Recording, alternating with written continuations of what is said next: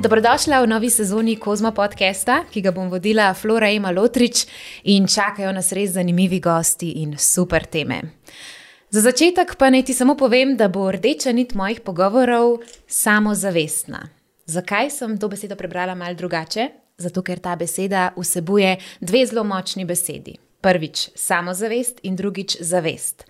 Želim, da skozi te pogovore vse začnemo živeti bolj samozavestno in zavestno na vseh področjih naših življenj, in zato se bom trudila, da bodo pogovori kar se da poučni, zabavni in nasplošno primerni za lepše in boljše življenje. Tudi danes imam enega zelo zanimivega gosta. Ker, če tako pomisliš, ženske, kamorkoli gremo, naj bo to na kavo, skupaj telovaditi ali pa med malce v službi, mi se zelo rade pogovarjamo o odnosih. Če sem bolj natančna, najraje se pogovarjamo o odnosih z moškimi. To nas zanima celo življenje, s tem se ukvarjamo praktično vsak dan in zato sem želela že prvo epizodo narediti takšno, ki ti bo zagotovo zanimiva. Z mano je strokovnjak na tem področju, Urban Urbanc, ki se ukvarja z zavestnimi odnosi, tako sam sam sabo, kot tudi med žensko in moškim. Tako da urban živijo. Živijo, lepo zdrav, hvala. Kako si? Um, zelo dobro, res. Ja. Um, pripravljam par stvari, um, ukvarjam se s sabo veliko, um, tako da skušam uravnovešati med delom in med um, prostim časom. Tako da mi kar fajn gre. Odlično. Najprej eno čisto splošno vprašanje, ali so te starši za nalož poimenovali Urban Urbanc? Ja, zanimivo vprašanje. Mislim, če bi če to vprašal, je rekel, da si odnegdaj želel imeti urbana. Uh -huh. um, glede na to, da je pač um, priimek um, zelo podoben imenu, se mi pa zdi, da nista imela raven neke kreative pri izbiri imena, ampak eh, če bi to njima povedal, bi seveda to zanikala. Mi je pa všeč, v bistvu, ker je tako. Zelo je spevno. Ja, tako je zelo karizmatično ime, je, mislim, da mi kar ustreza. In se ga težko zapomniti. Ja, ja, recimo, ostane. ostane v glavi, ja. absolutno. Čeprav včasih je kot eh, vir šale, lahko tudi za koga veš, ampak, kaj čemo. Uh, jaz se tudi nisem mogla sprijazniti, ker sem bila mehna, da sem flora. V bistvu sem uh, mamici enkrat prav rekla: Mami, vse so Anje, Eve, vse imajo tako normalna slovenska imena, zakaj sem jaz flora? Ja, sem Danes mi je pa najboljš na svetu, da ja, ste mi dala tako ime, ker jih res ni veliko. Ja. Posebno da... ime, posebna v bistvu osebnost, veš, in to tudi potem pomembno za življenje, se mi zdi, ker imaš neko popotnico, ki te spremlja in ime je tisti, ki se mi zdi, da te malo podkrepi. Ker recimo v mojem primeru urban pomeni um, uglajen, pomeni meščanski ki mm. pomeni, to je pač staro latinsko ime, uh, urbi et orbi, um, mestu in svetu, pomeni pogumen, pomeni odločen in tako naprej. Tako mm. da ima ime v bistvu za sabo kar eno močno korenino. Ja, lepo, pol ti je bilo to v bistvu že položeno v zibko, pa tega sploh nisi vedel, s čim vse se boš ukvarjal. ja, tako dobre stvari, kot tudi tisto, kar bom rekel slabega, če lahko mm. rečem, pa ne se za sabo, ne? ker včasih se kdo tudi ponorčuje ali pa me vpraša, je to umetniško ime, jaz si ga pač sam izbral, ampak pač žal, le, tako je.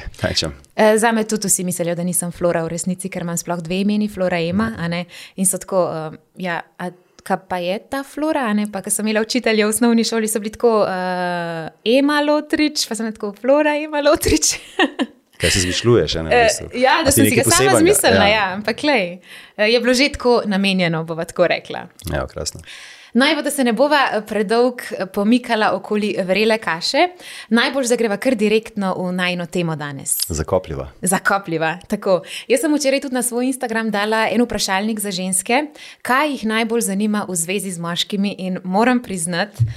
Da sem bila zelo presenečena nad odzivi. Jaz sem nekako pričakovala, da jih bo veliko um, marsikaj vprašali, ampak vprašanja so bila tudi zelo intimna. In to samo dokazuje, da ženske res ogromno razmišljamo o tej temi in da nas marsikaj tudi muči. Tako da sem vesela, da imam danes eno tako moško perspektivo. Jaz te bom spraševala, predvsem iz ženskega vidika, uh, ti boš pa mal razjasnil, kaj moški v zadnji razmišlja, ko mi recimo kaj naredimo, kaj vprašamo in tako naprej. Okay. Upam, da bom znal, upam, da bom znal. Me, me, me, ko me čakamo, bi se dovedel, kaj so pripravljali. Odlično. Zdaj, uh, prvo vprašanje, ki se je nekako največkrat pojavilo, je bilo tole. Zakaj je dan danes vedno težje vzpostaviti normalen in zdrav odnos z moškim? Hm. Dobro vprašanje. To, to je zelo zrelo vprašanje. Ja. Ja. Um, jaz bi si upal reči, da danes je zelo malo zrelih, pa normalnih moških.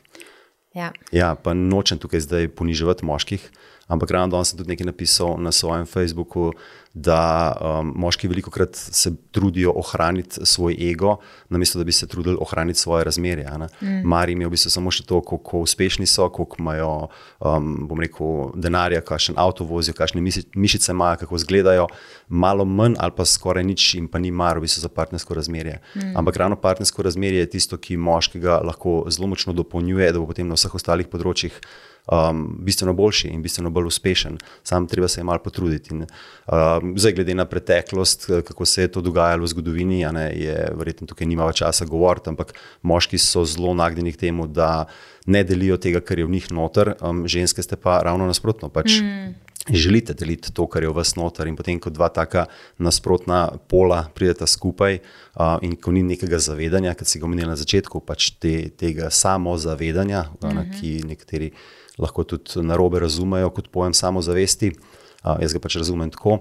Um, potem pač uh, moški in ženske v odnosih imajo, izkušajo veliko problemov. In mm. ženske, ki so te, ki jim odnosi mnogo več pomenijo, ker že sama ženska je bolj identificirana z ljubeznijo, bolj je pomembna je ta vloga mame, vloga partnerke ta povezovanje. Moški so pa tisti, ki so zelo individualisti in potem mislijo, da to ni tako pomembno. In ne dajo toliko na to, da bi postajali bolj zreli, da bi postajali bolj čustveno zreli, bolj modri, da bi se izobraževali tudi v drugih uh, področjih, kot pa samo kriptovalute, recimo, mm. pa delo in tako naprej, ali mm. pa se pač samo ukvarjajo s športom in z nekimi šalami ampak da bi dejansko pogledali, kaj razmerje sploh so, kaj to za sabo potegne, predvsem pa kako to razmerje najprej vzpostaviti sami sabo, torej kakšno disciplino imeti, kako se ukvarjati s stvarmi, ki jih veselijo, kako recimo tudi nasloviti tiste stvari, ki jih nočejo pogledati, svoje sence. In um, na podlagi tega bi lahko pač ustvarjali, sem prepričan, mnogo boljše partnerske uh, zveze s svojimi ženskami. Ja, pa tudi različno delujemo. Nek sem prebrala, da v bistvu ženske smo sposobne zaradi estrogena sedeti v svojih težavah in ne tako iskati rešitve. Mi rabimo najprej samo nekoga, da nas posluša, pol pa gremo v akcijo. Moški so pa takoj, kako lahko samo sediš pa jokcaš, tako rečeno, ne da je naredke. Mi pa včasih samo rabimo na začetku nekoga, ok, razumem te, prosim, pomagaj mi samo s tem, da si tukaj in da rečeš, ok, poslušam. Se mi zdi, da moški pa so takoj, uh, tako iščejo rešitve, mi pa mogoče včasih rabimo ali tudi to nežno plat moškega. Ja, mislim, veš, kako, če bi se vrnil, če bi pogledal malo nazaj, ne, če bi se obrnil najprej k principom, moškemu in ženskemu, mm -hmm. je ta moški princip tisti, ki je bolj identificiran s svobodo, a ne ženska, mm. pa bolj z ljubeznijo. In moški, uh, ko ima nek problem, čuti, da je um, rekel, omejen, da je ukleščen v tem problemu Aha. in to njemu predstavlja torej nesvobodo. In zdaj on skuša narediti vse, kar je v njegovi moči, da se bo iz tega problema izpel in da bo potem zopet svoboden. In potem on napačno predvideva. Da je tako kot za njega, tudi za njegovo žensko. Se pravi, ko ima ona problem, uh, bo on rešil njen problem, ji bo ponudil rešitev, ali pa bo pomagal, pač, da bo iz tega problema ven prišla, in potem se bo ona bolj počutila ne ve pa, da je ženska predvsem identificirana z ljubeznijo mm in da je skoraj 90% ženskih težav izvira iz tega, da se čutijo premalo ljubljene, da ne mm čutijo ljubezni v tistem trenutku, ker niso sigurne same sabo, ker jim ta pač. Um, bom rekel, nihanja hormonov povzročajo ne samo um, mesečne, ampak tudi dnevne spremembe v njihovem razpoloženju, v njihovih čustvih. Um, in veliko krat ni sigurna vase, veliko krat mm. dvomi, veliko krat je negotova, uh, včasih ji spodmakne tla pod nogami življenje. In takrat uh, rabi ona moškega, ki se na ta čustvena stanja njena ne bo odzval pretirano, ne bo mm. skušal zbežati od tega, ne bo začel reševati tega, ampak bo v tistem trenutku pač stopil k njej, vanjo, jo objel, jo stisnil, ji dal vedeti, da je vse v redu, veš, um, tukaj sem zate, lahko govoriš z mano. In ko bo ona začutila to varnost, ko bo začutila v bistvu, da se lahko lahko upre na njega, da on ni tisti, ki bo zbežal od teh njenih čustvenih neuri, bi tako lahko rekel. Takrat uh, bo tudi ona bolj, bolj zaupala, in jaz verjamem, da ženske ste tako močne, da boste same znale velikrat rešiti probleme, da rabite samo nekoga, ki vam drži prostor v tistem trenutku, da zopet dobite to gotovost vase, to samozavest in se pač problemi sami po sebi velikrat potem tudi rešijo. Ja, jaz s tem se zelo strinjam, da ženske smo sposobne marsikaj narediti same, ampak se mi pa zdi v zadnjem času to tudi mal problem. Zato, ker, kot si povedal, ne, ženske rabimo eno oporo, ženske rabimo nekoga doma, ki mu lahko povemo stvari, ki vemo, da bo zrihtal stvari, če bo treba. Dan danes je pa vedno manj, kot si tudi omenil, odgovornih moških. Mm.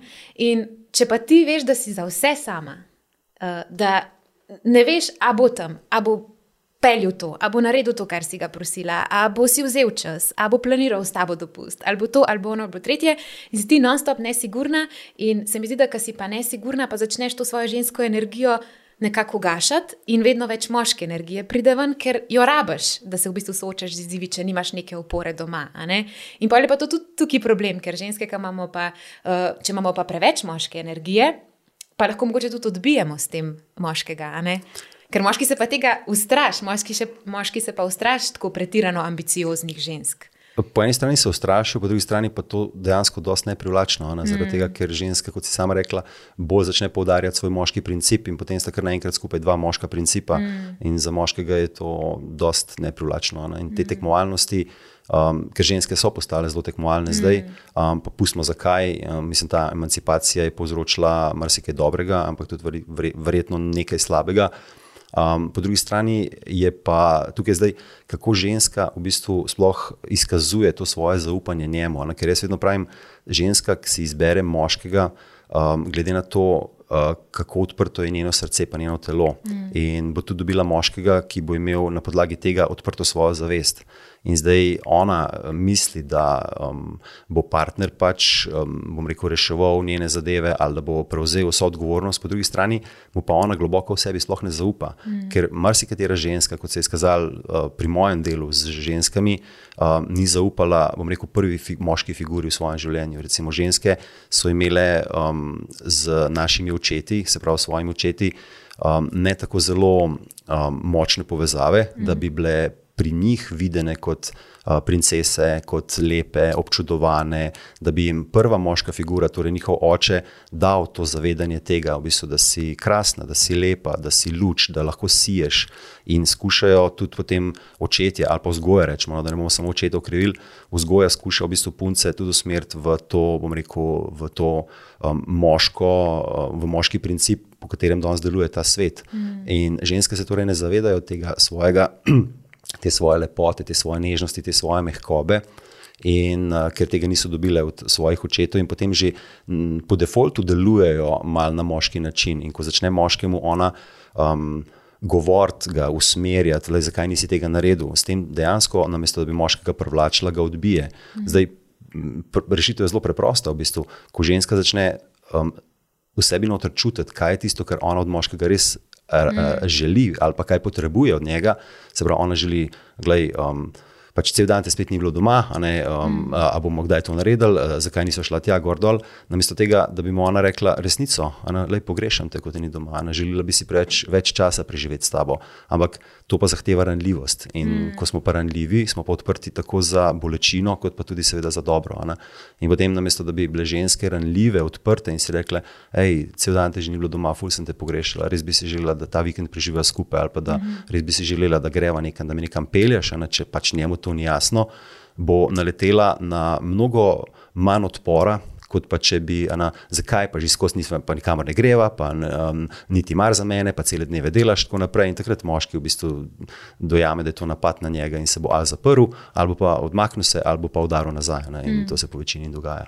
Ja, to sem jaz zelo videla pri svojih odnosih, v bistvu zdaj, ko odraščam, pa se tudi jaz spremenjam in rastem. da če v bistvu ti moškega napadeš, zakaj pa ne to, zakaj pa nisi ti to, zakaj pa nisva to. Da v bistvu, ja, on, kot si prej uh, omenil, on to uh, občuti kot udor v svojo svobodo. Mm. In dobiš samo kontro nazaj, še bolj odmakne roke. Če pa ti obrneš to vase, se pravi, Mene je pa zelo prizadel, ker si naredil to ali pa ker si rekel to. Jaz sem se počutila tako, pa tako. Ker nisva šla tja, se mi mogoče zdi, da si ne vzameš toliko časa za me. V bistvu, na nek način moraš z moškim delati kot z enim otročkom. Dejansko, ja, mislim. Ampak ne, se, se ne gre za to, ne gre za to, da v bistvu izražaš samo sebe. Mm. In vse to velja isto za moške. Recimo, ko sem jaz tudi svojo partnerko, če ji pač povem, da um, v tem sem se počutil tako in tako. To tvoje dejanje ali pa te tvoje besede so meni povzročile to in to, to me je zabolelo, to me je prizadelo. Potem se ona ne bo tako močno nastrojila proti meni, ampak bo dejansko skušala, seveda, če me ima rada, ne bo poskušala začutiti v sebi in videti, v bistvu, kaj v meni to res sporočilo. Ker mi moramo vedeti, da je um, 90% vse komunikacije neverbalne, ne? mm. uh, poteka torej, um, na, rekel, na energetski ali pa na telesni ravni.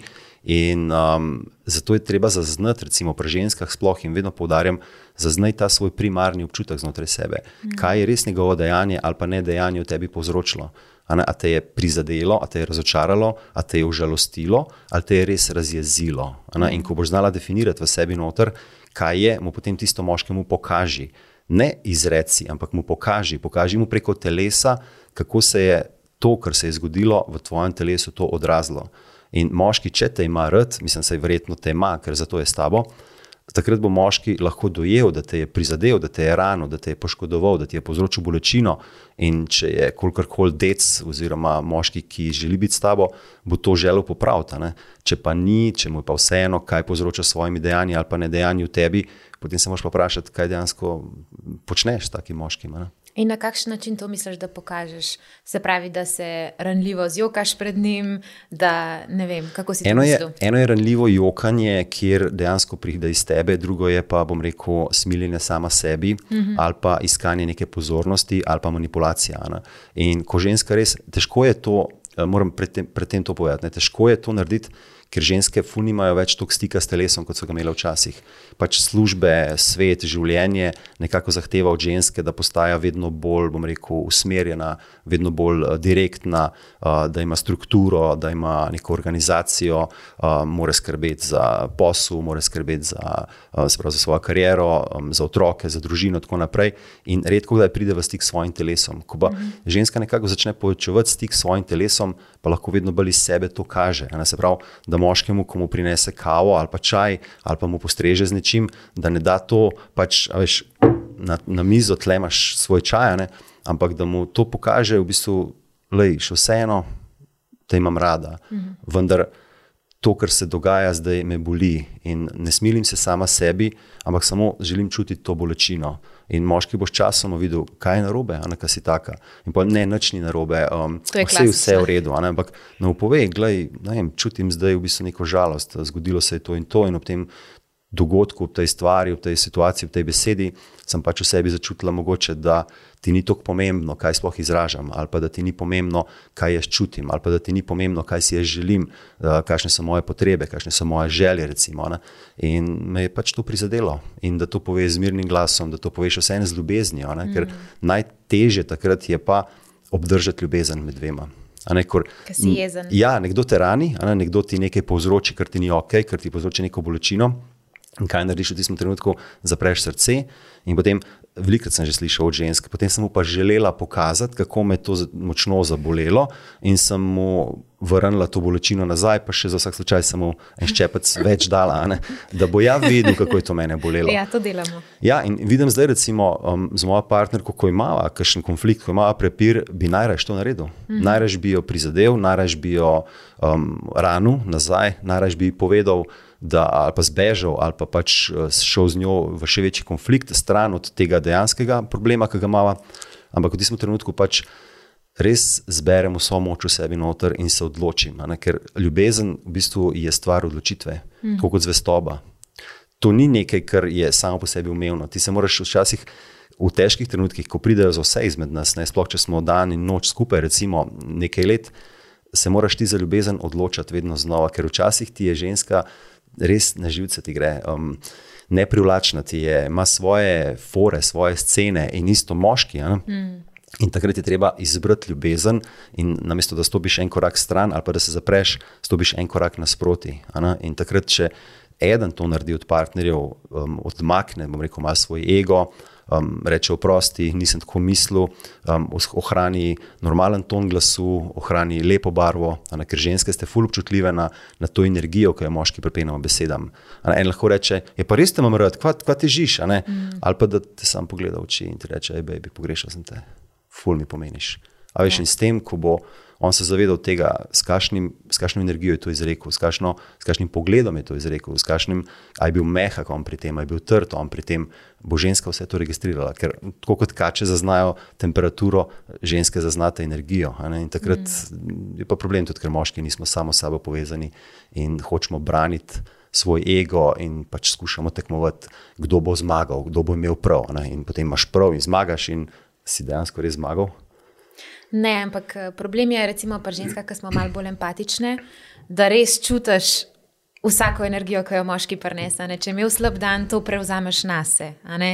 Če je karkoli narobe, naj prinese, kaj, kako ne zdaj to. In potem, potem je to skozi ena igra. Ampak vrnila bi se pa še na nekaj drugega, kar si govoril in sicer. Uh, komunikacija. Hmm. To je zelo pomembno. Ampak tudi, recimo, moj oče je vedno govoril, da je ljubezen stvar odločitve, ker sta moja dva skupaj že od mamičnega 17. leta wow. in sta še vedno skupaj in zaljubljena, kakšen dan bolj, kakšen dan manj, kot vsi zakoni. Ampak jaz sem imela doma res uh, vedno zelo lep zgled, pri nas besede ločitev ni bilo sploh v slovarju, nikoli nisem niti pomislila, da bi kdorkoli šel. Uh, Ampak, eh, seveda, smo imeli pa vsak svoj način komunikacije. In jaz mislim, da tudi veliko prenesemo od doma. Eni tihe vojne, eni se deremo drug na drugega, različne stvari so. In recimo, meni men je bilo težko, ker smo imeli doma malo bolj tihe vojne. Jaz sem pa taka, ki moram takoj vse razjasniti. Takoj želim stvar rešiti, jaz sem človek akcije, gremo, nočem tega zadržati v sebi, ker sem zelo empatična in meni srce razpoč, če nekaj ni rešeno. Mm. Jaz ne morem zaspati skregana. Uh, ampak sem videla, da imam ta problem pol kasneje, ko sem začela stopiti v odnose, da kljub temu, da jaz želim to rešiti, sem pa navajena to v sebi zadržati, ker imam nekako tak vzorc. In potem se je nekaj zgodil, in jaz sem bila jezna in hotela sem povedati, in hotela sem rešiti, ampak sem rajš, jaz bom zdaj trmasta, jaz bom zdaj nedostopna, zato da bo on videl, kako jaz trpim in da se bo nehal tako obnašati, da ga jaz vzgojim na tak način, ja. ker sem to gledala mogoče mal na nek način tudi doma. Ja.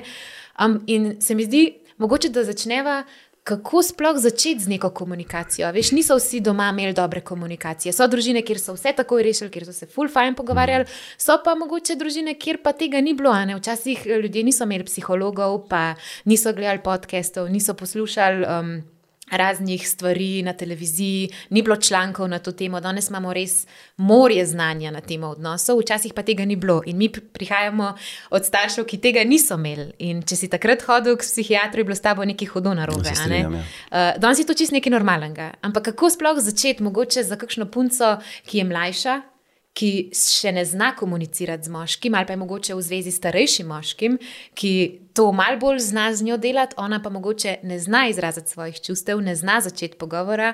A ne ti si govoril, da ja, komunikacija reši vse, ampak kako sploh začeti? To je bilo tudi eno vprašanje. Kako mu sploh povem stvari, ki me motijo? Mm. Mislim, izredno dobro vprašanje in izredno zanimiva tematika. Um, ja, veš, mi se partnerskih odnosov učimo praktično v svojem otroštvu. Mm. Mi v otroštvu poberemo vzorce tega, če smo bili deležni doma, kar smo videli med očetom in mamo. Mm. In zdaj mnogi verjetno niso imeli take sreče kot recimo ti, ne, da bi starša ostala skupaj. Mnogo staršev se je ločilo, mnogo staršev so ostali skupaj samo zaradi otrok, mnogo staršev so sprejeli nek kompromis in rekli, da je to, to kaj čemo mm. drugega, in se ne trudijo več. In potem ti kot otrok rasteš v poznavanju tega. In um, ne moreš pričakovati, da boš imela drugačne vzorce, kljub temu, da ti, potem kot že bom rekel, najstnica ali pa bolj odrasla punca, ženska, da bereš, da poslušaš yeah. Ja. podcaste, da hodiš na terapije, ker je to dejansko uh, v tvoji podzavesti, mm -hmm. ni zavestno. In ta podzavest je pa mnogo, mnogo močnejša od naše zavesti. In ko pridejo konfliktne situacije, ko nekdo pritisne tvojo tipko, ko te nekdo pač rekel, vzburi um, čustveno, takrat um, odreagiraš in ne odgovarjaš. Tako da tukaj bi se vrnil najprej na to besedo, tvojo, ki si jo imel na začetku. Se pravi, biti samozavesten, se pravi, mm. zavedati se samega sebe.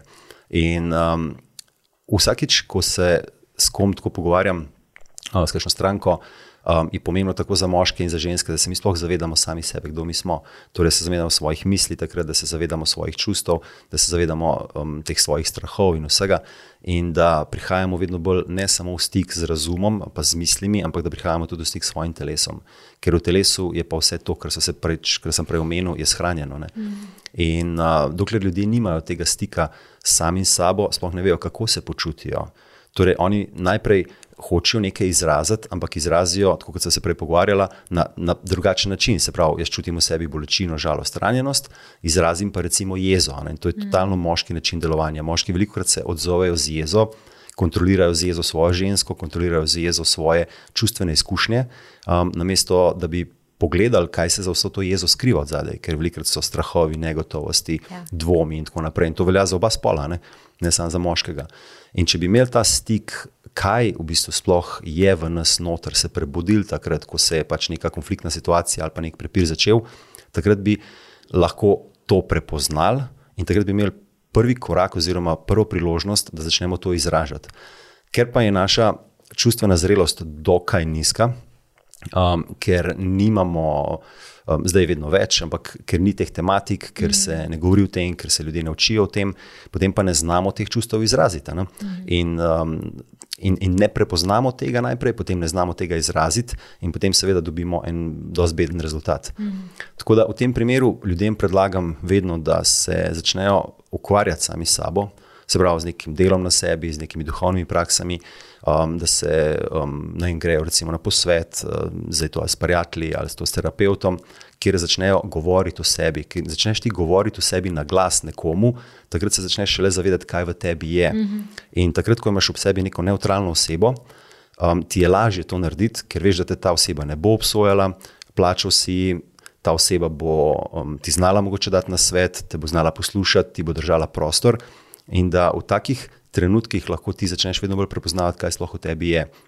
In se skozi take pogovore, seanse, terapije, karkoli, naučiš izražati samega sebe.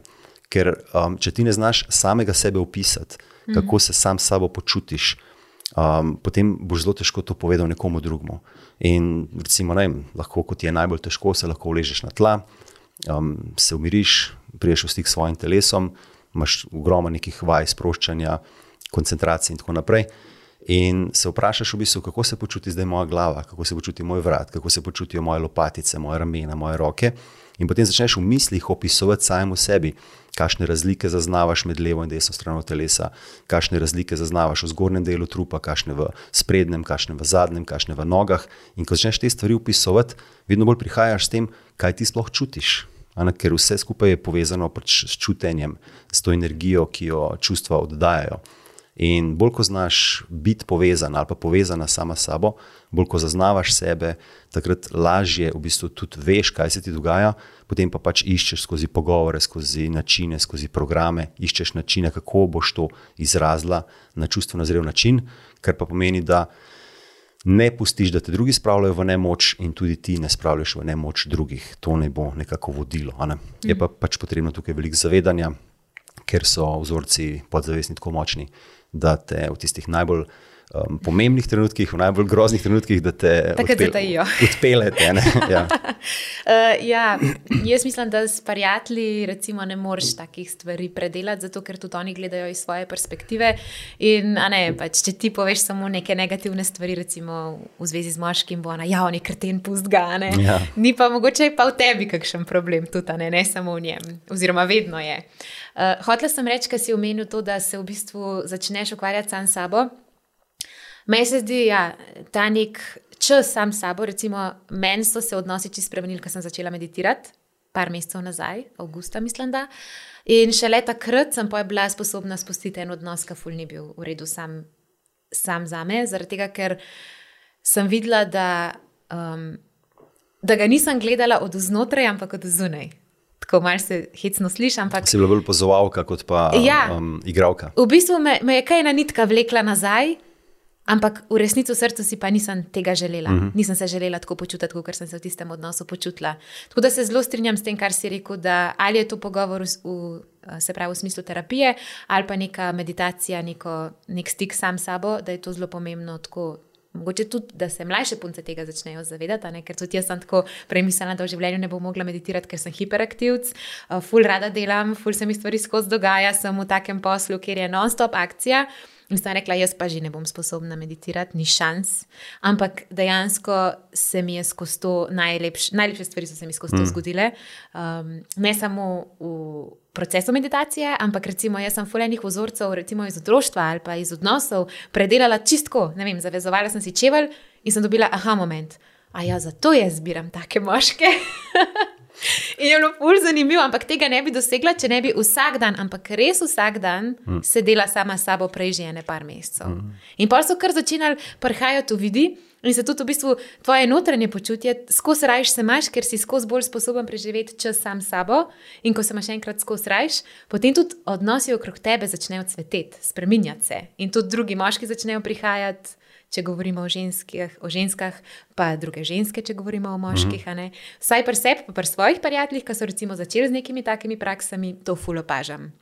Da so se njihovi odnosi izboljšali, da so se odnosi med nami izboljšali, in pa da, da, da začnejo čisto eni drugi ljudje prihajati in da se zbujaš fulbelj srečen. Se, če ti izboljšuješ odnos samim sabo, ne, potem posledično izboljšuješ odnose okrog sebe, ne, ker mm je odnos samim sabo osnova za vse ostale odnose. In zdaj, če ti si ujet v ta um, džumbus življenja, da um, dopuščaš, da ti te distrakcije, ki se dnevno na vsem pojavljajo, krojijo tvoj life, potem boš zelo težko dobila ti prazen prostor, kjer boš pa resnično lahko videla bistvo vsega mm. tega, kdo si ti, kaj si ti. Mm. Ampak včasih je to zelo težko, tega, ker ko ti se ustaviš v tem hitrem tempu življenja, vidiš stvari, ki jih morda nočeš videti. Ne? Ja. Takrat takrat potem zopet pobegneš lahko od tega mm. v neke druge distrakcije, ali pa takrat sediš v tem in se soočaš s tem in opazuješ, kot si sama dobro rekla, kot opazovalka vsega tega ali pa kot mm. opazovalec. Torej, da nisi tisti, ki. Um, da si, da si um, igralec v, svojim, v svoji igri življenja, ampak da si recimo tudi režiser um, in vse skupaj uh, istočasno. Se pravi, da znaš biti opazovalec in nekdo, ki, opazo, ki, ki igra to igro. In jaz velikokrat rečem, sploh z moškimi, ki dozdaj delam, rečem, vedno, ko si ti žensko um, ali pa v kateri koli situaciji, poskusi imeti nad sabo še enega tebe, da bi se dal v neko ptičjo perspektivo. In v tem trenutku, zdaj, ki si, lahko probaš še iz druge perspektive sebe pogledati in potem mi povej, ali si zadovoljen s tem, kar vidiš. Ali si zadovoljen s tem, kako sediš, ali si zadovoljen s tem, kako dihaš, ali si zadovoljen s tem, kakšno energijo izražaš do nasprotnika, ki se z njim pogovarjaš, oziroma do osebe, s katero imaš interakcijo. In ti lahko mnogo bolj pomaga osvetliti te najbolj pomembne stvari v tvojem življenju. In ko začneš um, biti bolj pozoren na to, lahko začneš šele to izboljševati. In potem, ko izboljšuješ, kaj ti dopuščaš za sebe, če se ti več ne želiš, kaj ti jih rabiš, recimo, kakšne so tvoje potrebe, kakšne so tvoje želje, potem dejansko vidiš, da ti nek odnos tega ni nudil, sploh, mm -hmm. da te je nekaj tja vleklo in da dejansko nima nobene osnove, in potem ne. mnogo lažje lahko spustiš stvari.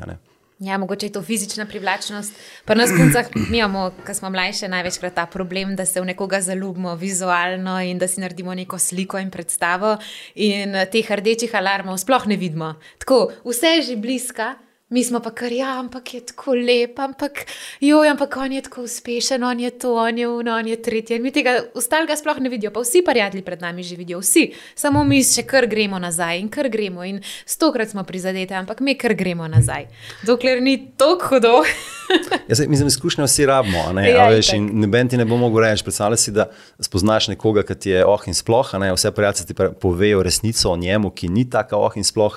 A jih boš res poslušala, ali boš morala sama iti po to izkustvo? Ne? Ali boš morala iti sama v to noter, ker šele na lastni koži se mi lahko dejansko stvari naučimo.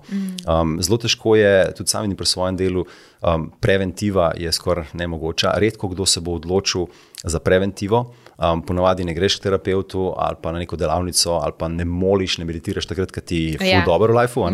Ampak takrat, ko je ravno nasprotno od tega, takrat si pa ti odločiš, da bom pa ne začela trenirati, da bom pa začela meditirati, da bom začela ja. to. Um, in in, in iz, tega, iz tega pogleda. Um, rabiš dejansko to izkušnjo, ki ti bo potem, seveda, a se boš nekaj iz nje naučila, ali pa mm. se ne boš iz nje naučila in boš zopet ponovila. Mm. In za ženske, recimo, vedno jim predlagam, če nisi sigurna, ali pa če čutiš, da imaš mogoče vseeno malo rožnata očala nataknjena, Um, najboljši način je, da vprašaš par svojih najboljših prijateljev, tistih, ki so ti najbolj blizu, kako one vidijo tega moškega. Mm -hmm. In če bi ti one rekle, hej, ful lepo ravna s tabo, ful, ful meni, ful v redu, ful lepo energija od njega prihaja, potem je to verjetno pravi moški za tebe. Ko ti pa prijatelji rečejo, je stara, ej, ne serija, ne to.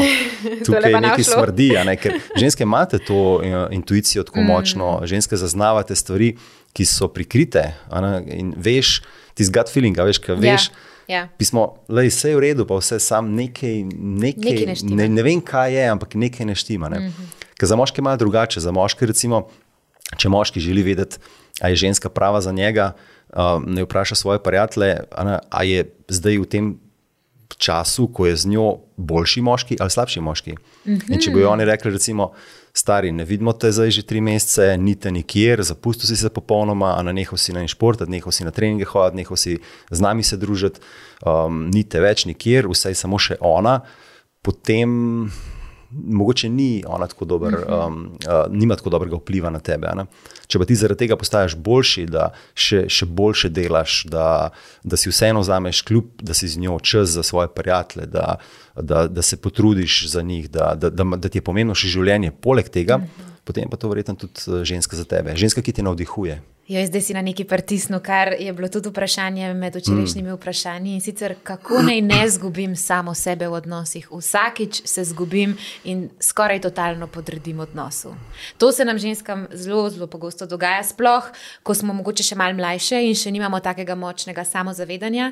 To sem tudi jaz delala, eh, dejansko samo čakaš, kdaj se boš videl, eh, kam boš šel skupaj. Eh, v bistvu ti je to prioriteta pred vsemi prijatelji, pred družino, pred svojimi aktivnostmi aktivnostmi. Včasih celo svoje sanje pozabiš, kljub temu, da so zelo močne, mm. ker se pač tako noro v nekoga zaljubiš. Meni se je to že zgodilo, pa ne samo enkrat, priznam. to nisi edina, verjetno. Ja, ker ko poznam svoje prijatelje, skoraj vse smo šli čez to.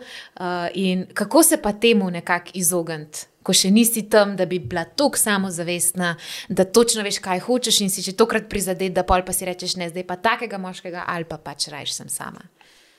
Mm, težavo, kot, uh, jaz vidim težavo v tem, da je um, ta svet socialnih medijev um, povzročil pri ženskah um, toliko ene disfunkcionalnosti, kjer one vidijo predvsem samo to zunanjost, kakršna yeah. Ja. v tem trenutku lahko s tem moškim bi bila. Ne? Se pravi, kaj počneva, kam greva, um, kaj jeva, uh, kako izgledava. Um, ne gre pa za to, da bi one videle na dolgi rok, kaj -hmm. um, lahko ta odnos z moškim prenese. Zdaj, ženske, zaradi tega, kar se prej že pogovarjala, um, zaradi kompleksnosti življenja, zaradi vseh teh stresat, stresorjev v življenju, zaradi pač džumbusa, ki ga življenje ponuja vsakmu izmed nas, um, so zelo močno upete v svojo glavo, v svoj razum in nimajo toliko stika s svojim telesom. In to se danes kaže v bistvu pri um, bolečih menstruacijah, pri uh, velikih endometriozah. Pri, uh, ženske imajo ogromno problemov, um, yeah. Ja. zakrčen trebuh je, um, zelo težke nosečnosti so, zelo težki porodi so. Um, ker um, ne, ne zaznavajo tega, kaj v telesu čutijo, in, in se preselijo veliko v svojo glavo. Mm -hmm. In če bi zaznavale one sebe, če bi znale biti bolj sproščene, torej če bi delale na sebi, se si naj jim ponudile, da bi šle plesati, da bi, da bi se sproščale, da bi se vem, razvajale malo same ali pa s svojimi prijateljicami, bi vedno bolj prihajalo ta parasimpatični žilčni sistem, odziv telesa, ki je pač sproščanje, rast, regeneracija in tako naprej. In takrat je ženska mnogo bolj dojemljiva, mnogo bolj čuti, da je ta odnos na dolgi rok za njo eh, dober, mm -hmm. ker ona bo verjetno mama, oziroma ženska ima funkcijo biološka njena funkcija je mama. In zdaj funkcija mame je pa ta, da ona ob sebi m, mm, lahko si izbere partnerja, s katerim se bo videla čez še nekaj časa, ne? ker za moškega je to malo drugače.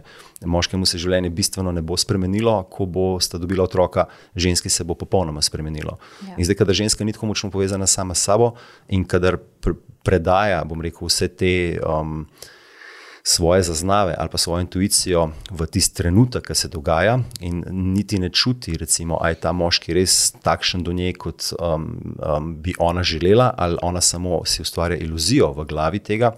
Um, temu se reče tudi um, pri tem kliničnem somatiku, zdaj delam, se reče senzorno-motorna iluzija. Torej, da ti dejansko si ustvariš iluzijo na podlagi tega, ker nimaš povezave s svojim telesom, ker telo ti vse čas preko propriocepcije, interocepcije sporoča, a je nekaj dobro za tebe. A je to hrana, ali je to partner, ali je to neka situacija, ali je to neka stvar. In vedno ti zaznavaš v sebi noter, kot sem omenil že prej, ta gut feeling, v bistvu, ki v sebi veš. Mm. In zdaj, ker smo pa preveč v glavi, ker nimamo povezave z našim telesom, pa ne vemo več in potem se zgubimo v odnosih, ki so na prvi pogled krasni, super in fino, fajn, ampak na dolgi rok pa ne vidiš več, ker nimaš povezave s tem, da bi lahko videla. Pa jaz mislim, da v resnici veš, da to ni to, da nisi srečna. Jaz sem vedno vedela, da nisem srečna. Tako, ampak tako dobro si znaš sama sebi lagati, če nisi v stiku sama s Ja, sabo. iluzijo si ustvarjaš. Ja? Ja. Ampak v resnici ti globoko vse skozi veš, da nisi, mm. da nisi Sam tega moraš pa sprejeti odločitev, moraš pa sprejeti Ja. odgovornost. Ja. Za to, da in najtežje je biti um, ljudem, kot sem zdaj opazil, um, ljudem je zelo težko biti sam. Ne Ja. samo ženskam, Zelo. tudi moškim. In veliko in moških in žensk, takoj ko zaključijo neko partnersko razmerje ali neko novo distrakcijo, ufurajo v svoje življenje, ali pa um, najdejo takoj Novo. novega partnerja, novo vezo, novo razmerje, uh, samo da se ni treba soočati s to bolečino, ker ta izogibanje bolečini je tako naravno, kot je naravna bolečina sama. Mm -hmm. In nihče noče čutiti bolečine, ampak v bolečini je rast, v bolečini ti spoznaš samega sebe.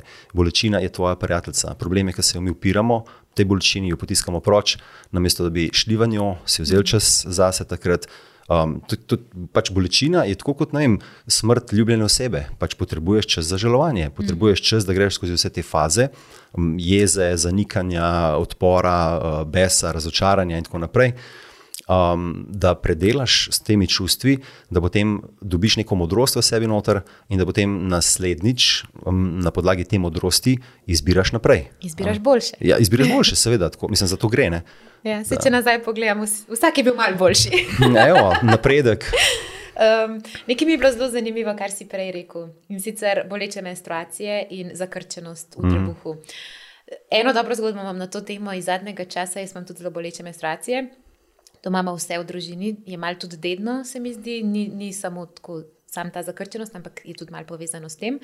Ampak um, je bilo pa zanimivo, ker sem šla plesati drugi dan menstruacije. Hotela sem že odpovedati, bolel me je kašus, ampak sem šla plesati in sva delali čist nežno. Čist nežno, samo malo z boki, eh, neko špansko koreografijo, ampak res, res, res na izi. Nič pretiravanja, to, kar je pasal meni, to sva delali. In dejansko je meni nehal boleti po plesu, mm. ker so se boki razmigali. In, in, in je tukaj neki na tem. Sprostila si trebuh svoj. ne? Ja. Zdaj, predstavljaj si, da imaš ti, bom rekel, napet trebuh, eh, pod temi napetimi mišicami imaš pa v glavnem vse, eh, ženske imate pač um, reproduktivne in spolne organe, predvsem znotraj. a ne? In predstavljaj si to napetost, ki jo ti dan za dnem zaradi tega, ker zazvoni telefon, dobiš mail, moraš tja, nekdo ti potrop na cesti, ki si nepazljiva, ki bereš mesič. To ti stalno povzroča te krče v telesu. Ana, samo vsak lahko vidi, bistvu, če bi nekdo te želel boksen to trebuh, kaj narediš, v bistvu po sprednji strani se zakrčaš. In če se ti ne zavedaš teh zakrčenosti, če se ti ne zavedaš tega, kaj ti povzroča to zakrčenost, potem ti počasi prideš v to kronično zakrčenost. In niti zvečer, ko greš spat, se to ne sprosti. In si stalno v bistvu v tisti stalni pripravljenosti, si, kaj se bo zgodilo, ker ko se zgodi, moram takoj odreagirati.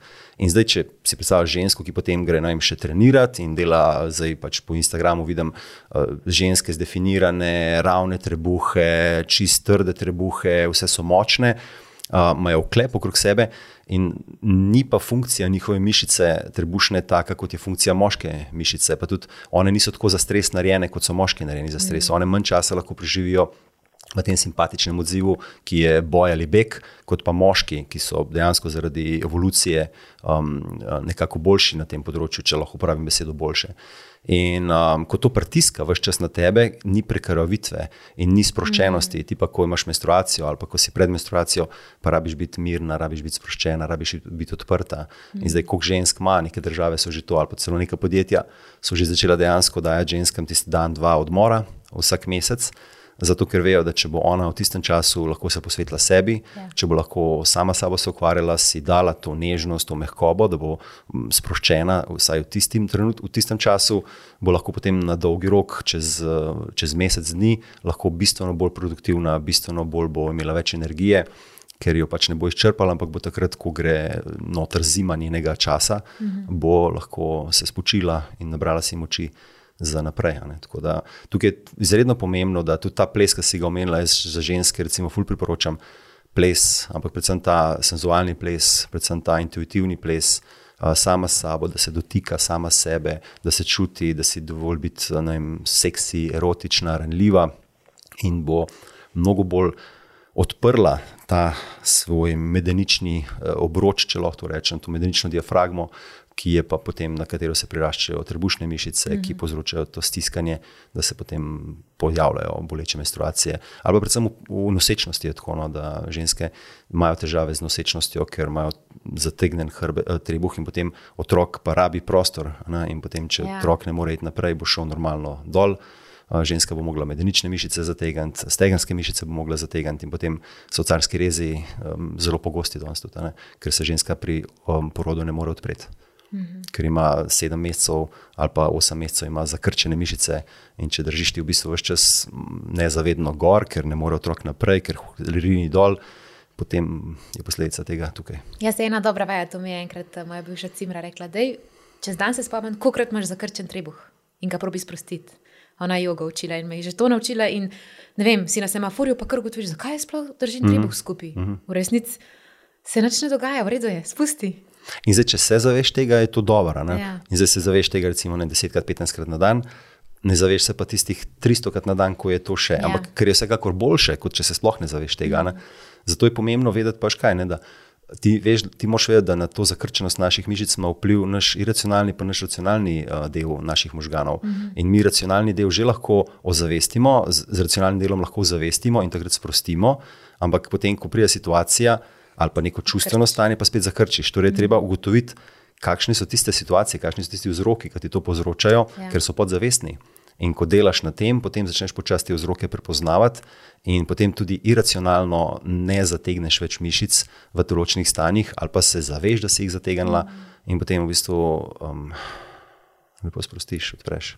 In je to čisto druga energija, ki se pogovarjaš. In tudi za nas, pol, za ja. moške. Ja.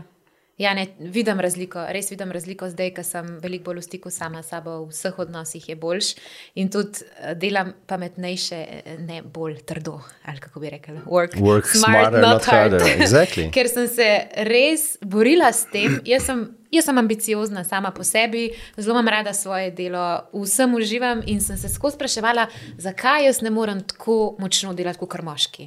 Zakaj jaz ne zdržim 16-urnega delovnika, zakaj še čez par mesecev jaz kolapsnem, zakaj ne morem. Pa sej lahko, pa sej si želim, pa sej imam energijo, nikoli mi ne zmanjka energije, ampak zakaj mi telo ne sledi? Zakaj mi telo ne sledi? Ker sem delala čist kontra telesu. Ker med menstruacijo žal res ne moreš tako delati, kot delaš ostale uh, tedne v mesecu, ker imamo mi lunin cikl, ve pa sončev cikl. Vi zjutraj vstanete, naredite in greste spat. In ostanete, naredite svoje, greste spat. Mi se pa cel mesec pripravljamo na ta svoj izliv. Dobesedno. In sem ugotovila, kako je res pomembno, da si tudi življenje prilagodiš temu svojemu ciklu, da si ne prilagodiš najtežjih treningov, najtežjih situacij, nekih uh, močnih stresov, točno na teden menstruacije. Recimo, Ker takrat takrat bi samo počival. Mm. Zdaj, žal, pač večina tempov tega ne omogoča, da bi si lahko dva dni vzel frej, žal. Ampak vseeno se mi pa zdi fino, koliko to sam sebe spremljati, da vidiš, kdaj imaš eh, neko obdobje v ciklu mm. in takrat mogoče mal prilagoditi, vsaj treninge, recimo, če hodiš v fitness ali pa kakšne res eh, hude aktivnosti, stresne ja, razgovore, ja, stresne stvari v službi. To sicer žal ni mogoče v tem svetu, v katerem živimo, ker je vse tako hitro, pa vse moramo tako. Ampak če če si vsaj malo lahko prilagodiš, sem jaz sama pri sebi ugotovila, da se to zelo splača, ker zdaj delam manj, pa veliko bolj efektivno kot prej, ko sem delala po 16 ur na dan, vsak dan 7 dni v tednu. In enkrat se mi je zgodil sam kolaps in takrat sem začela meditirati in začela verjeti vse te stvari in se poglabljati sama vase. Ampak ja, se vsak mora priti sam do tega. Ampak zdi se mi pa pomembno, da, da se res naučimo, kako to poslušati sebe in svoje telo. Ja, izkušnje so tiste, ki te mhm. vsekakor pol pospremijo. Um, in če nimaš izkušenj, ne moreš vedeti. Ne? Lahko bereš, lahko poslušaš, lahko se s kom pogovarjaš, ampak dokler na sebi ne sprobaš tega in dokler mm. ne mhm. integriraš potem tega znanja v svoje telo, v svoje življenje, ne bo nobenega um, pozitivnega uh, feedbacka. Um, je pa res, da je fully pomembno, recimo pri moških, je spodarjena vedno neka disciplina, doslednost, neka določena mera strogosti do sebe. uh, ker smo zelo drugačni od vas. Mm. Pri ženskah je pa ta mesečni oziroma dnevni cikl tako različen, že hormonska nihanja so taka, da če bi ženska imela neko, bom rekel, svojo prakso, ali je to yoga, ali je to tek, ali je to pač karkoli ples zjutraj, da ona zna sebe poslušati, kaj tisto jutro njej pa še, ko ostane. Da ji reče, ok, danes zjutraj bi pa rada na dva komada samo zaplesala, rada bi zaplesala na dva nežna komada naslednji jutro se zbudi in reče, zdaj pa pa še nek disko, in se, ja, in se razturiš. Um, da, da dejansko zna sama sebe slišati. Tako da ni zelo tako pomembno, kako. Uh, kako disciplinirana ona je in da dela res tisti trening, ki si ga je, ne, da ima strukturo, to bom naredila, kljub temu, da mi ne paše, bom vse to naredila, ker moram, mm. ker skrbim za svoje telo. Ampak da zna takrat slišati sebe, svojo intuicijo in da reče: Danes mi pa ne paše to. Ne? Danes bom yeah. pa ja. raje šla na en sprehod, kot pa da grem teč. Danes. Ja. bom pa ne vem, recimo, raje se ulegla za pol ure na kavč in malo počila, ker sem utrujena, namesto da grem na, na klas joge, recimo, ali pa mm. namesto da doma naredim neke dihalne vaje ali pa jogo ali karkoli. Da znaš ti v tanem trenutku sebe poslušati. In takrat, ko začneš to delati, um, prinašaš vedno več ravnovesja v svoje življenje. Mm. In, in je pa seveda odvisno tudi, je to zelo močen stav, ki bomo zdaj rekli, ampak tako kot se mi obnašamo do svojih teles, je ponovadi odraz tega, kako so se starši obnašali do nas. Kako so se mm. starši vedeli do nas in kdo je zelo strog do svojih teles, kdo je zelo discipliniran do svojih teles, ker naše telo pa je v bistvu sestavljeno iz očeta in iz mame. Mm. One dva sta fizično poskrbela za to, da sem jaz tukaj, in potem še vedno, seveda, še preko vse vzgoje in vsega, je to vse se vedno odražalo na mojem telesu. In bolj ko sem jaz strog do sebe, bolj ko sem jaz zahteven do sebe, bolj ko sem jaz, bom rekel, trd do sebe, to samo odraža stanje tega, kakšni so bili starši do mene. In potem, ko urediš ta odnos, recimo starši, potem vidiš v bistvu, kako ti lahko postaneš bolj mehak do sebe. Tudi.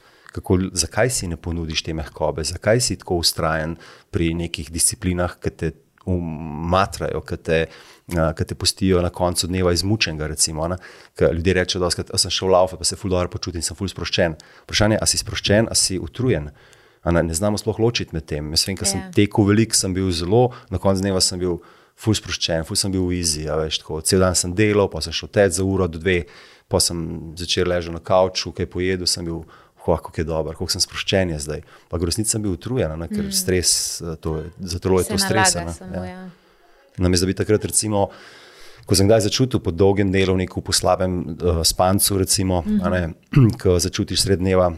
Neko utrujenost, rečeš, le, le, bom premagal to, se vem, da je najtežje začeti in greš ven. In ti res začne po 15-10 minutah upasati, veš to, kar delaš, zrak dobro ti dene, odmaknil si se od problemov, začneš se ukvarjati s svojim telesom.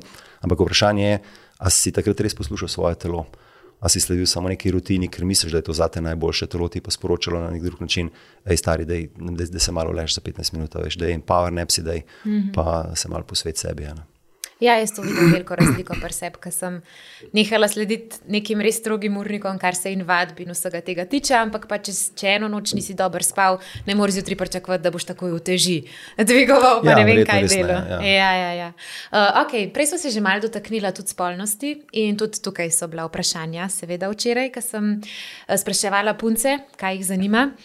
Uh, Veliko žensk ima problem z moškimi skomunicirati, kaj si želijo kaj si želijo v spolnosti. Ker mogoče ga nočijo prizadeti, ali pa ne moški hitro odreagirajo z egom, če niso samozavestni. Uh -huh. uh, da, joj, v resnici ne pa še to, kar delam, v resnici želim nekaj drugega.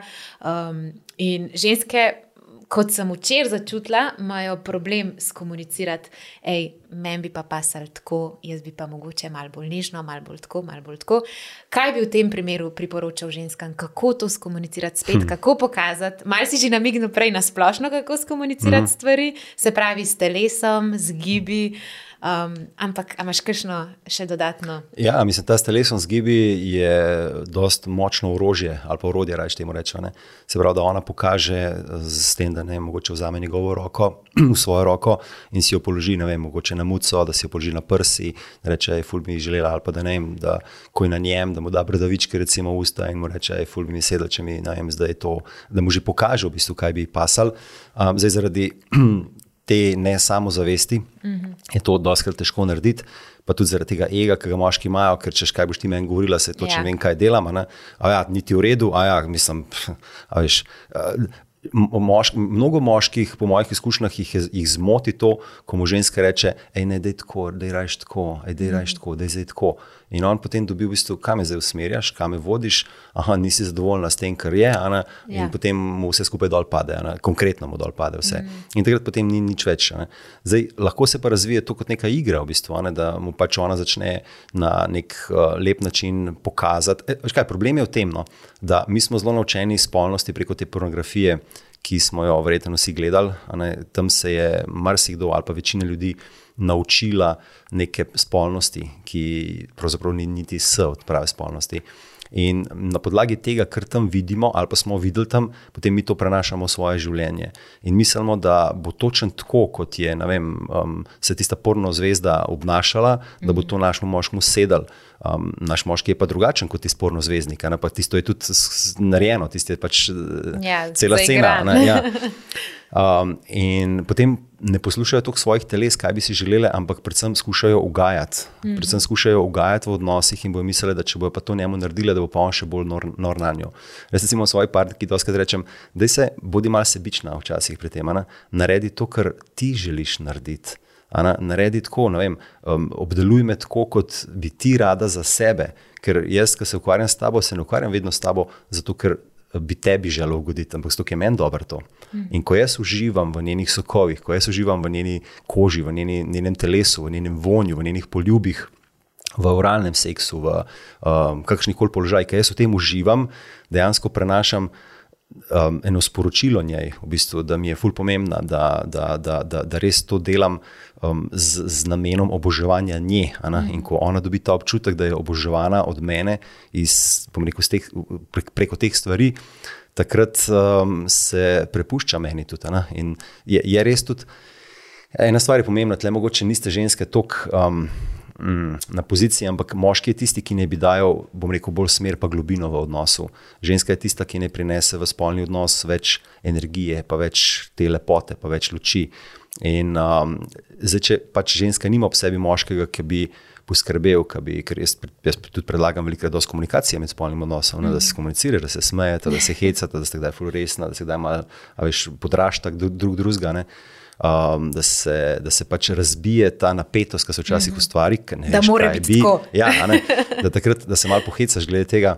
Um, so, so predvsem moški tisti, ki naj bi to smerno odrdajali, pa to globino. Mm -hmm.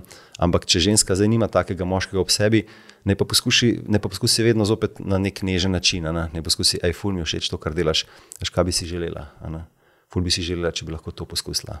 Ali pa da, da, da, da mu pokaže preko svojega telesa, ne, da, da, da si res začuti znotraj sebi željo, da ni takoj tja, pa njega za mednožje prijeti ali pa ga začeti mm. slačati, ampak ne vem, da ga začne recimo božati po obrazu, po glavi, da se tudi ona zaveda, da moški nimamo samo ene erogene točke. Ne? Ni no, samo pritisnemo na gumb, pa gremo. ja, več erogenih točk imamo tudi moški in predvsem je pa ta um, meni osebno, ona je ta njena odprtost, paranljivost, da, da, da, da, da si dovoli pokazati, kaj si v tem trenutku želi. Mm. In če pokaže to na en tak način, da ne zdaj, da sem jaz pod stresom, pod pritiskom, zdaj moš pa to narediti, ampak le, ful si to želim, ful uživam sama sabo, ful mi zdaj pa še to, ful se, mm. ker začneš se božati sama, začne, ne vem, da me stisnem, da me objem, da me, da me primi za, vem, za prsi, recimo, da me prim za muco, ali pa, ne vem, da je malo po bože, a bi ti meni zdaj to naredil.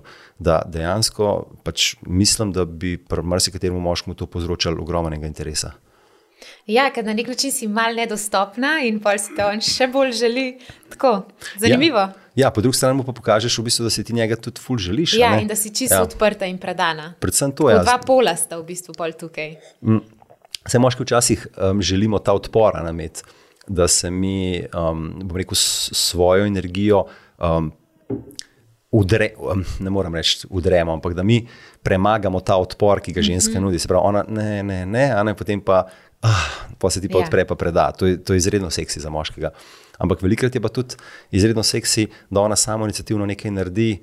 Samo to, ker si ona želi, in da ne razmišlja o tem, kaj bi zdaj njemu pasalo. Zdaj, zjutraj, ko se zbudiva, bi njemu pasal, če bi ga začela uralno zadovoljevati, ampak bi ona rekla: Jaz bi ga zdaj zaradi sebe bi to mm. naredila.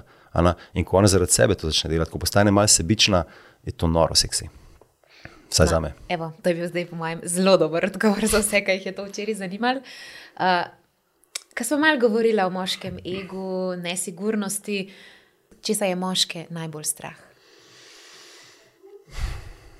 Če pogledam sebe, ali pa če pogledam izkušnje, ki sem jih imel z moških preko svojega dela, bi lahko rekel, da jih je najbolj strah te svoje ranljivosti.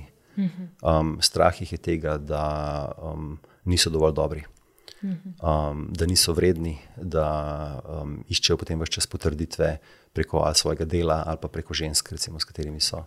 Tako da je ta ranljivost tista, um, ki jih o, o, odvrača od teh svojih čustev, ker se bojijo tudi svojih čustev, ker nimajo pojma, kaj z njimi narediti. Mm -hmm. Ker nimajo, nikoli niso imeli, niti v zgodovini, niso imeli priložnosti, da bi lahko svoje čustva kot človeška bitja, ki jih vsi imamo. Ne, ne gre za to, da jih imajo ženske več ali pa moški manj, ampak gre za to, da smo vsi čuteča bitja in da mi um, zaradi tega, kar se je dogajalo, nismo s svojimi čustvi mogli imeti tog stika. Ker če bi imeli tog stika na bojišču um, ali pa na, na lovu, recimo, ko smo izgubljali prijatelje svoje. Um, bi verjeten um, bili tudi mi zelo lahek plen za sovražnika. Takrat smo mhm. morali potisniti v sebe noter, vse to, se od tega odmakniti, in je pa to še vedno vse v nas. In največji problem vidim, da je moškim priznati svojo ranljivost, reči, da je stari težko mi je, veš, mhm. um, rabim te tudi meni osebno je bilo to najbolj, naj, najtežje reči, da bi to rabite, ker s tem ti priznaš, da nisi. Um, Kot da nisi ti zadosti, v bistvu, da rabiš še nekoga, ki ti bo pomagal, da boš skozi to tvojo zgodbo, skozi tisto stvar, ki se ti dogaja, nekako prišel. Tako da ta ranljivost, pa strah pred svojimi čustvi, pa predvsem strah, nisem dovolj dober, je tisto, kar je po mojih izkušnjah najbolj težava pri moških. Ja, ampak nam ženskam pa to ful veliko pomeni, če, če se na moški odpre na tak način da poverci moj sem imela v prejšnjem odnosu. Uh, šele na koncu take pogovore, zakaj je sploh do določenih stvari prišlo, da sem še iz njegove strani slišala, kako on sploh razmišlja, kaj on sploh čuti. Pa je trajalo to dve leti, da sem to svetla. A veš, ampak ženskam nam je pa pol to, ok, greva zdaj to rešiti. Meni je to tako lepo, da si ti to meni priznal. A veš, ker drugače pa mi samo sprašujemo, recimo, zakaj on rab odmik. Zakaj on rabi sam? Mi ženske želimo ponavadi reševati z nekom stvar. Mi gremo k prijateljici, mhm. -huh. mi gremo k mami, mi gremo k zaupniku, pač uh -huh. k mhm. nekomu, ki mu zaupamo in mi govorimo in želimo to stvar rešiti. Moški pa. Uh. -huh. Fasada. Ali se odmaknejo, grejo na fusbal, grejo na pivo, grejo, grejo na ne vem kaj, eni grejo teč, eni grejo pač v nek odmik. Ne? In mi ženske to tako težko razumemo. Zakaj je ta razlika med nami? Ja, mislim, po mojem, sem ravno to um, prej nekako že odgovoril, da, pač ta, um, da se ta težava pojavlja zaradi tega, ker je bilo pač v zgodovini toliko tega, ne, da so mm. moški morali potiskati svoje čustva proč, ker niso, um, drugače ne bi verjetno zdržali vsega tega, kar so zdržali um, in so postali mal imuni na vse to skupaj. Je res, da je moški tisti, ki bo želel problem rešiti sam um, in se odmaknil od problema, potem bo razmislil, naredil samo refleksijo in prišel nazaj z uh, neko rešitvijo ali pa z uh, razrešitvijo tega svojega problema. Vendar ženska potem čuti, da nista potem več v, v ekipi, ne ja. skupaj. Ja. Veš, se pravi, čutimo, ja. ti si zdaj. To, to razmerje ni um, individualna športa, ne? to je dejansko mm. timsko delo. In um, ker tega ne znamo reševati. Zato recimo jaz tako močno um, stremim k temu, da prirejam vem, delavnice za moške, um, uh, skupine za moške, um, druženja za moške, kjer moški potem lahko začutijo neko zdravo moško družbo in kjer vidijo, da je ok, če poveš svoje stvari in da vidijo, kako močno, kako powerful je to. Ko ti pokažeš tisto, kar je v tebi, in ko vidiš, da te drugi moški sprejmajo, ker je v njih isto. Ja, se to sam ne povejo na glas.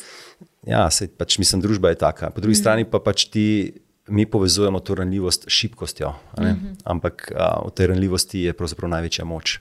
In tu ženska bo mnogo bolj um, spoštovala svojega moškega in ga občudovala, če bo videla, da si, priznal, da si upa priznati tudi tisto, v čemer pa ni dober, tisto, česar ga je strah, tisto, česar se boji, ker bo dobila skozi to eno tako zaupanje v sebi. Mm. Bo rekla, da ta moški meni res zaupa, razkril mi je ja. najbolj ranljive dele sebe res me ima rad, res mu pomenim veliko, mm. mu zaupam. In potem ne gre za to, da bo zdaj greva mi, da zdaj reševati problem, ampak da bo ona takrat z njim, tak, da, da bo pač ga bo poslušala, da bo mu dala neko sočutje, da mu bo dala nek prostor, varen, kjer bo on popolnoma začutil to varnost.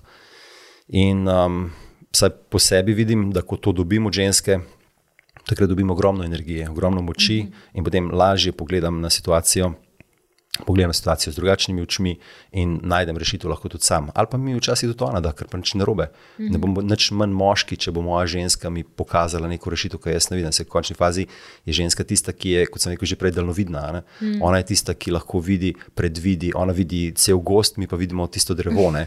In zdaj, če to nekako upoštevamo, potem lahko ful dobro sodelujemo.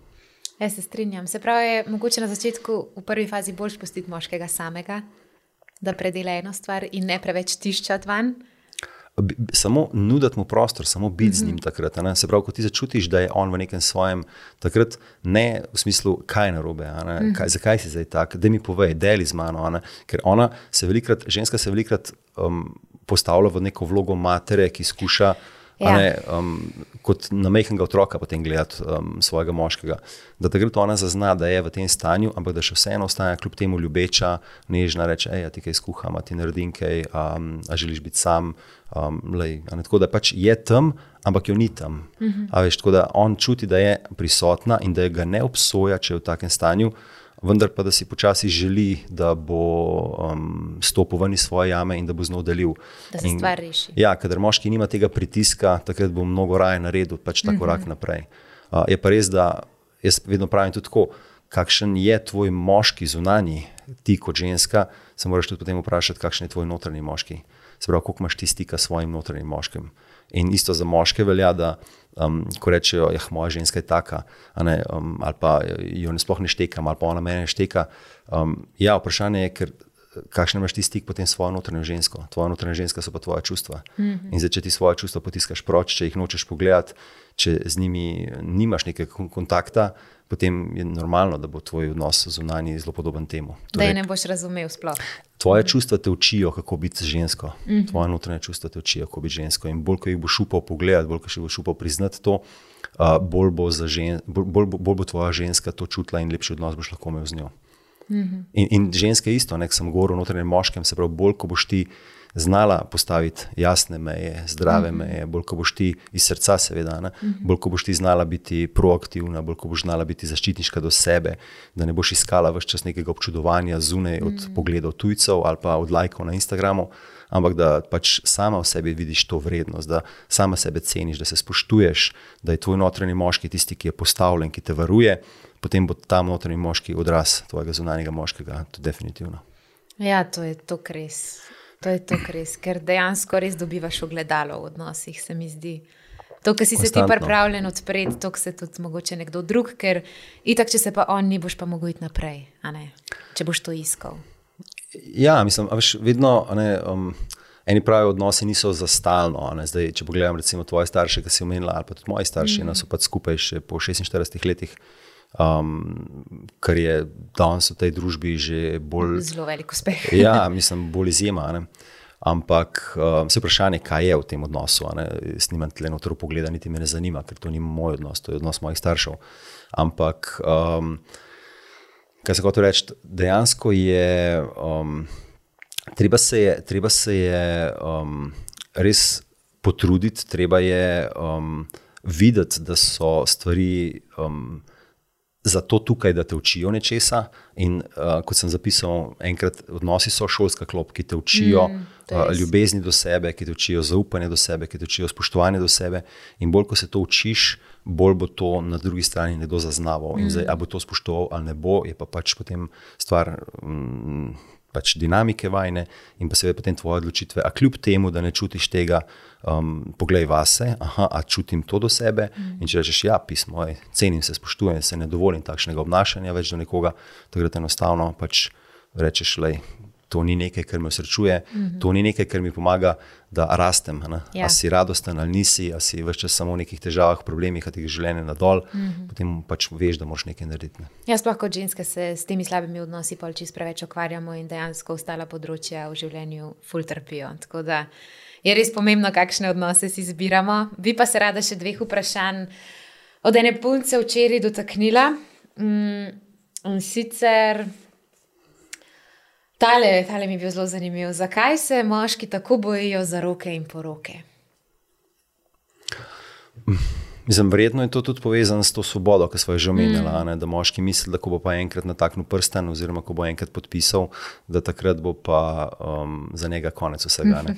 On ima še vedno, mu stajajo opcije, ko je v neki odprti vezi, ali pa ko nista uradno določila mhm. um, njune, njune veze da je takrat ima vedno on lahko še vedno opcije, da se lahko kadarkoli iz te veze izpne, komu bo mhm. prehodo. To pomeni, da ta moški.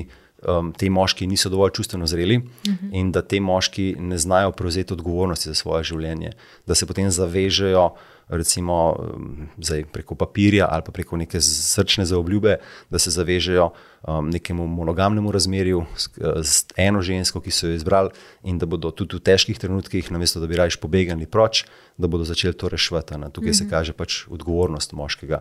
In jaz mislim, da je povezan predvsem s tem, da se pač bojimo izgubiti to svobodo. Ampak, um, če, si, če, če, če, če res znaš svojo, če, če, če, če, če tretiraš svojo žensko spoštljivo, lepo, da poskrbiš za njo, da poskrbiš, da je vama lepo. Sem jaz pripričan, da lahko imaš samo še več svobode v življenju. Mm, zato, ker se ti ni treba enostavno pokvarjati z ženskami. Ti imaš eno, za katero veš, da je tam, ali pa pri nas ženskah. Recimo, ti imaš nekoga in ne gledaš skozi okrog.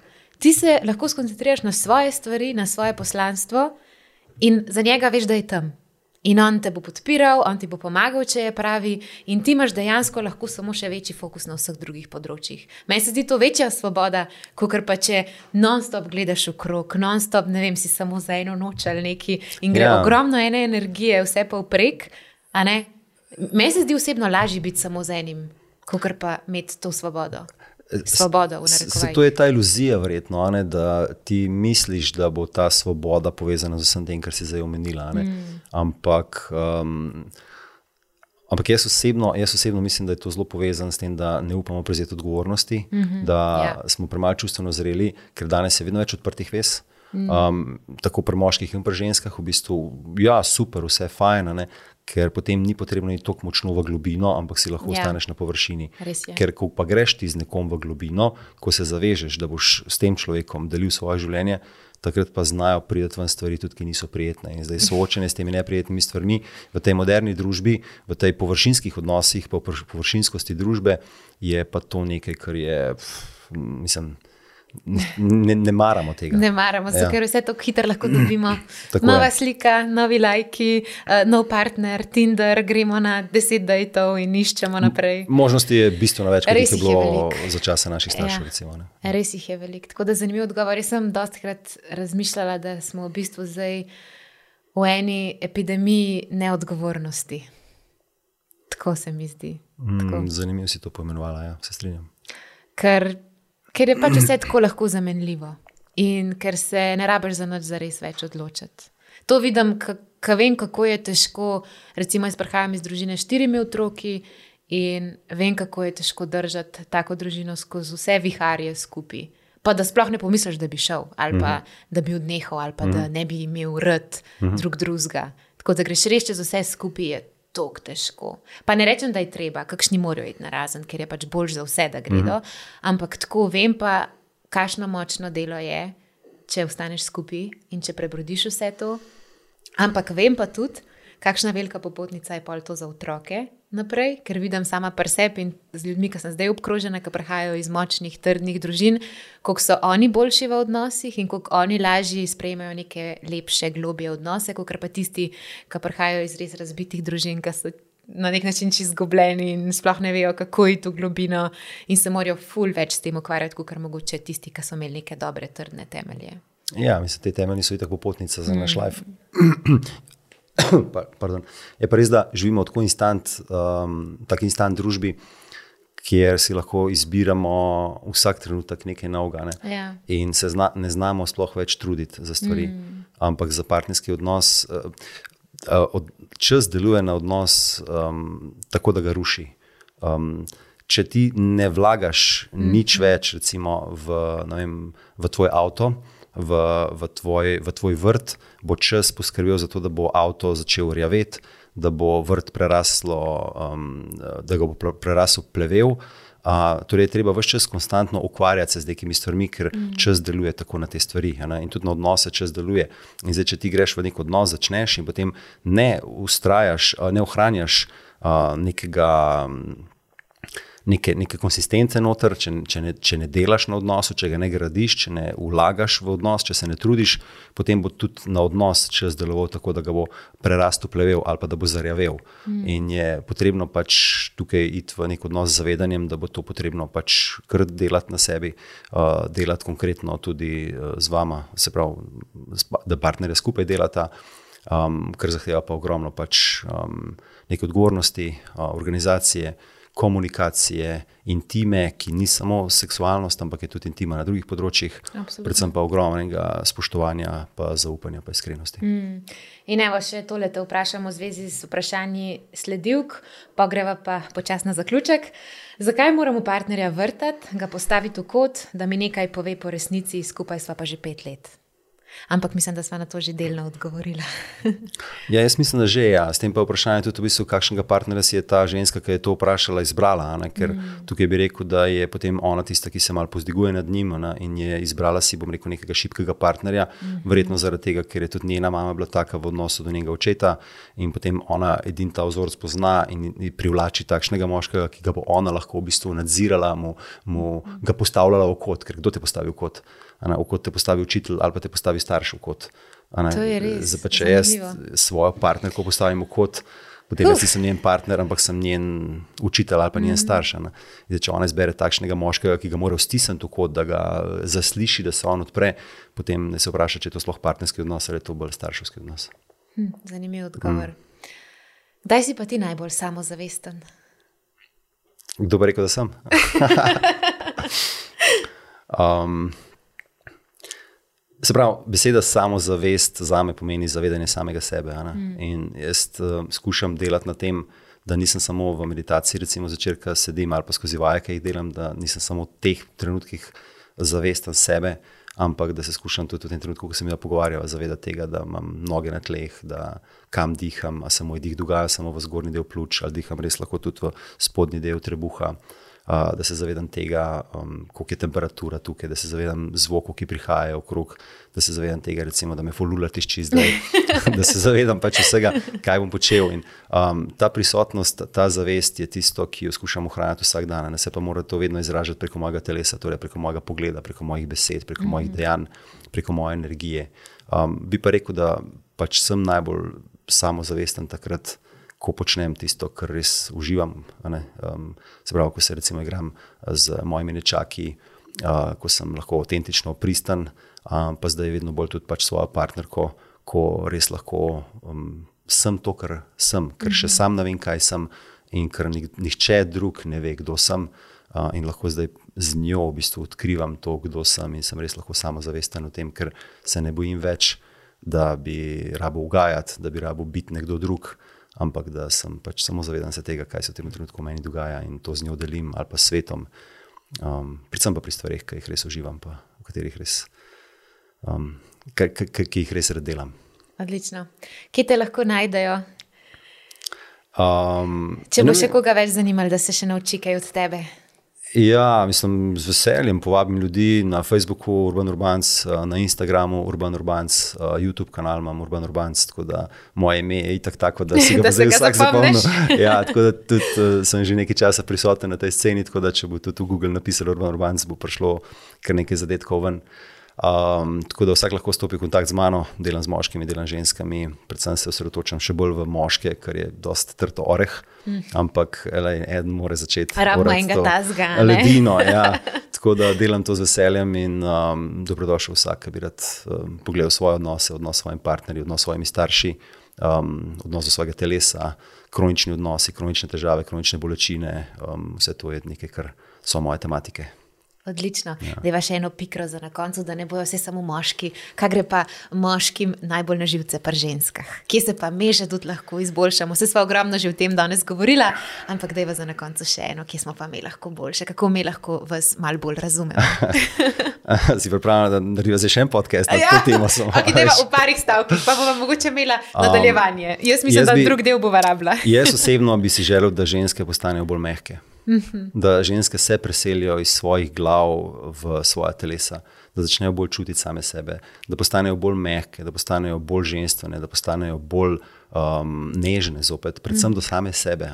In ko bodo sebi začele to nuditi, bodo potem opazile, kako se bodo moški na to odzvali. Ker, le, če ti daš moškemu, ne, če, če mu daš neko. Krhko cvetlico v roke, bo ta moški, če je kolikor toliko zavesten, pa če te ima rad, bo on poskrbel, da bo ta cvetlica ostala ne ranjena, da bo mm. ostala pač varna. In če si boste dovolili zopet začutiti to vašo ranljivost, um, ki ni povezana z neko žrtvijo ali pa z nekim, bom rekel, smiljenjem samemu sebi, ampak da postanete res tisto. Pristno, ženstvene, mehke, nežne, tople, to, kar v sami resnici ste.